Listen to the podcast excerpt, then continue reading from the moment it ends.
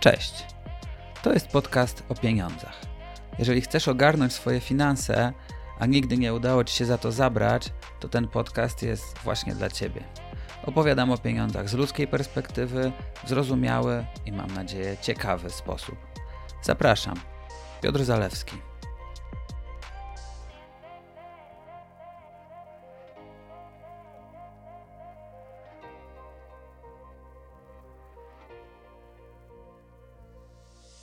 Których odcinków podcastu o pieniądzach słuchaliście najczęściej? Jakie tematy interesują Was najbardziej? Które odcinki otrzymały od Was najwięcej pozytywnych ocen? Co planuje na przyszłość? Dzisiaj odcinek specjalny, bo podcast o pieniądzach ma już rok. Tak, minął już rok. Pierwszy odcinek podcastu opublikowałem 5 lutego 2023 roku. Od tamtego czasu powstały 43 pełne odcinki, nie licząc dzisiejszego oraz odcinka 0, w którym starałem się wytłumaczyć, dlaczego w ogóle stworzyłem ten podcast. Odcinków nie było 52, bo czasami, na przykład w wakacje, publikowałem co dwa tygodnie. Poza tym mój podcast jest w 100% edukacyjny, nie ma żadnych treści sponsorowanych, a moim celem jest dzielenie się sprawdzoną, użyteczną wiedzą. Podcast powstał z myślą o takich osobach, które do tej pory w ogóle nie interesowały się pieniędzmi i inwestowaniem. W polskim internecie jest sporo bardzo dobrych podcastów, kanałów na YouTube i blogów dotyczących inwestowania, ale znaczna część z nich jest skierowana w głównej mierze do osób, które w jakiś sposób interesują się finansami i coś wiedzą na ich temat. A te najlepsze skierowane są do tych, dla których inwestowanie to jest po prostu hobby.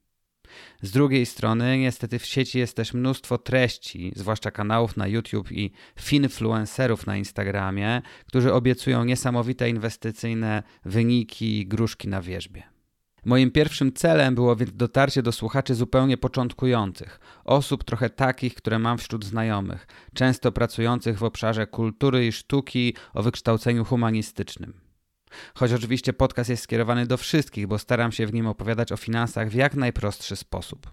Mój drugi cel to przekazanie maksimum wiedzy w dość krótkich odcinkach. W imię zasady jak najwięcej konkretów. Dlatego właśnie wszystkie odcinki nie przekraczają 20 minut i mam nadzieję, że po przesłuchaniu każdego z nich, nawet dzisiejszego, w Twojej głowie zostanie wartościowa wiedza. A moim trzecim celem było trzymanie jak najwyższego poziomu merytorycznego, bez uciekania w sensacje, niejako w kontrze do wspomnianych już podejrzanych influencerów na Instagramie czy YouTubie. I między innymi dlatego właśnie stworzyłem podcast, a nie kanał na YouTube.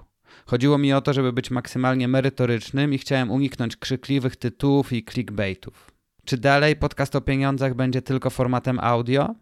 Najważniejszą platformą był dla mnie od początku Spotify, ale widzę, że siła YouTube jest ogromna. Nawet odcinki w formie audio ze statyczną grafiką potrafią na YouTube osiągnąć bardzo dobre wyniki, nieporównywalne z innymi platformami. Po roku mam trochę przemyśleń na ten temat i rozważam wejście także w formaty wideo.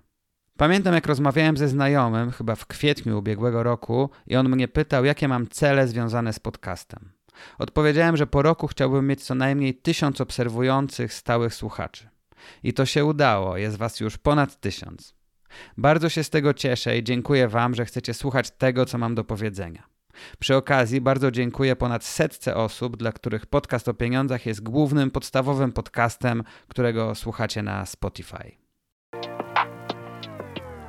Kim więc jesteście, szanowni słuchacze podcastu o pieniądzach? Podcast jest po polsku, więc co oczywiste, najwięcej, ponad 87%, jest Was w Polsce. Dwie najpopularniejsze platformy, na których słuchacie, to Spotify i YouTube, a gdzieś daleko w tyle jest jeszcze Apple Podcasts. Co do płci, to ponad 60% słuchaczy to mężczyźni, a 30% to kobiety. Niespełna 2% to osoby niebinarne. Pozostałe kilka procent to według systemu statystyk płeć nieokreślona. Podcast o pieniądzach jest najpopularniejszy w grupach wiekowych 28-34 i 23-27. Te dwie grupy wiekowe stanowią ponad 50% słuchaczy.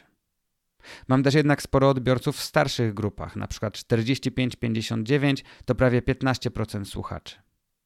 Jako ciekawostkę dodam, że ja mam obecnie 43 lata.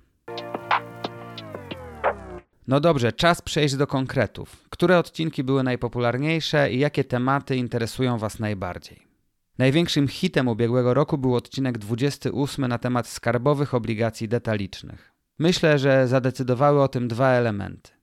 Pierwszy to moment, w jakim pojawił się ten odcinek i jego tytuł.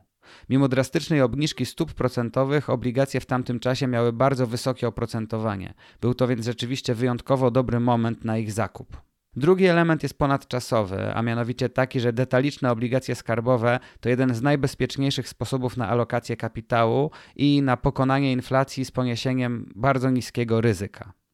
W odcinku dokładnie opowiadam, jak działają obligacje skarbowe, rozwiewam kilka mitów na ich temat i tłumaczę, że nominalnie nie da się na obligacjach stracić. I myślę, że mi się to udało, bo na YouTube liczba ocen pozytywnych tego materiału wynosi ponad 99% w stosunku do zaledwie 1% ocen negatywnych.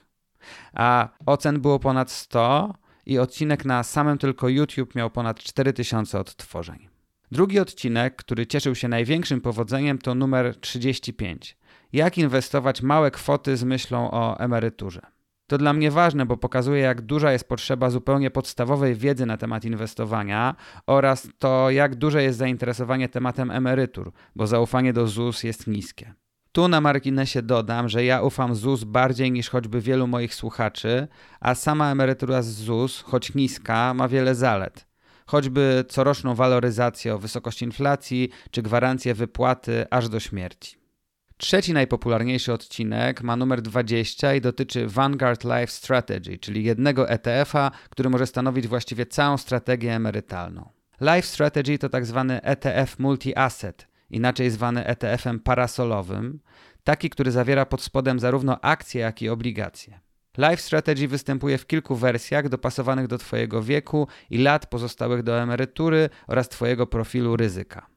Jak wyjaśniam w tamtym odcinku, Life Strategy to prawie idealny produkt finansowy, bo umożliwia bardzo łatwe inwestowanie pasywne, gdzie ryzyko jest rozproszone na cały świat, a do tego jest to produkt tani. A to właśnie koszty za zarządzanie czy całkowite koszty obsługi danego produktu finansowego w długiej perspektywie mają ogromny wpływ na to, czy inwestycja zakończy się powodzeniem, czy nie. Numer 4 to pierwszy odcinek z serii Wstęp do inwestowania, czyli ten dotyczący giełdy i akcji. W odcinku wyjaśniam podstawowe koncepty stojące za inwestowaniem na giełdzie.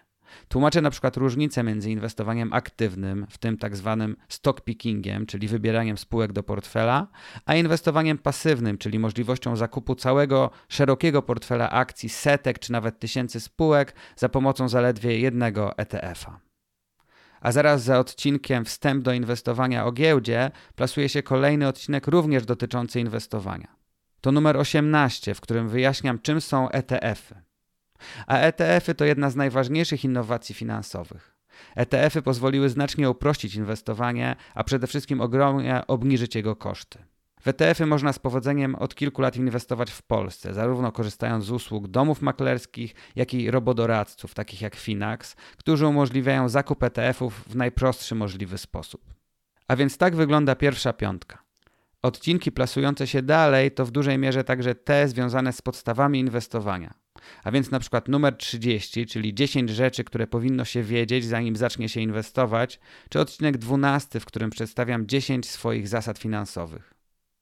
I tutaj mały teaser. Żeby zabrać się za inwestowanie, najpierw trzeba sobie poradzić z budżetem domowym i wziąć w ryzy wszelkiego rodzaju zobowiązania i zadłużenie, o czym też opowiadałem w kilku odcinkach. O czym jeszcze chcieliście słuchać?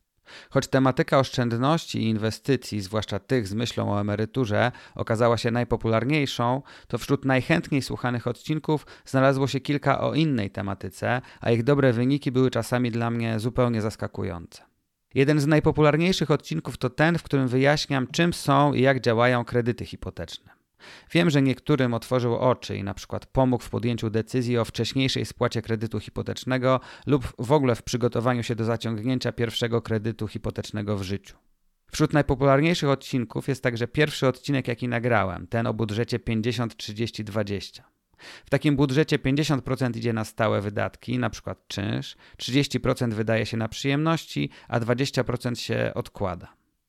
To dobry pomysł na budżet, ale też mój pierwszy odcinek, więc nie jestem z niego jakoś specjalnie zadowolony. A wśród zaskoczeń i odcinków, które cieszą się dużo większym powodzeniem niż się spodziewałem, jest numer 32, zatytułowany Dlaczego rynki obligacji idą w dół? Starałem się wyjaśnić, czym są obligacje i od czego zależą ich ceny. Nie sądziłem, że będzie tak popularny, no i chyba się podobał, bo na YouTube dostał ponad 30 ocen pozytywnych i żadnej negatywnej. Co dalej? Myślę o dwóch rzeczach. Jakiejś eksploracji formatów wideo oraz wprowadzeniu wywiadów i rozmów z innymi, bo zdaję sobie sprawę, że takie moje monologi mogą się czasem wydawać monotonne. Zresztą dlatego także staram się, by odcinki były krótkie.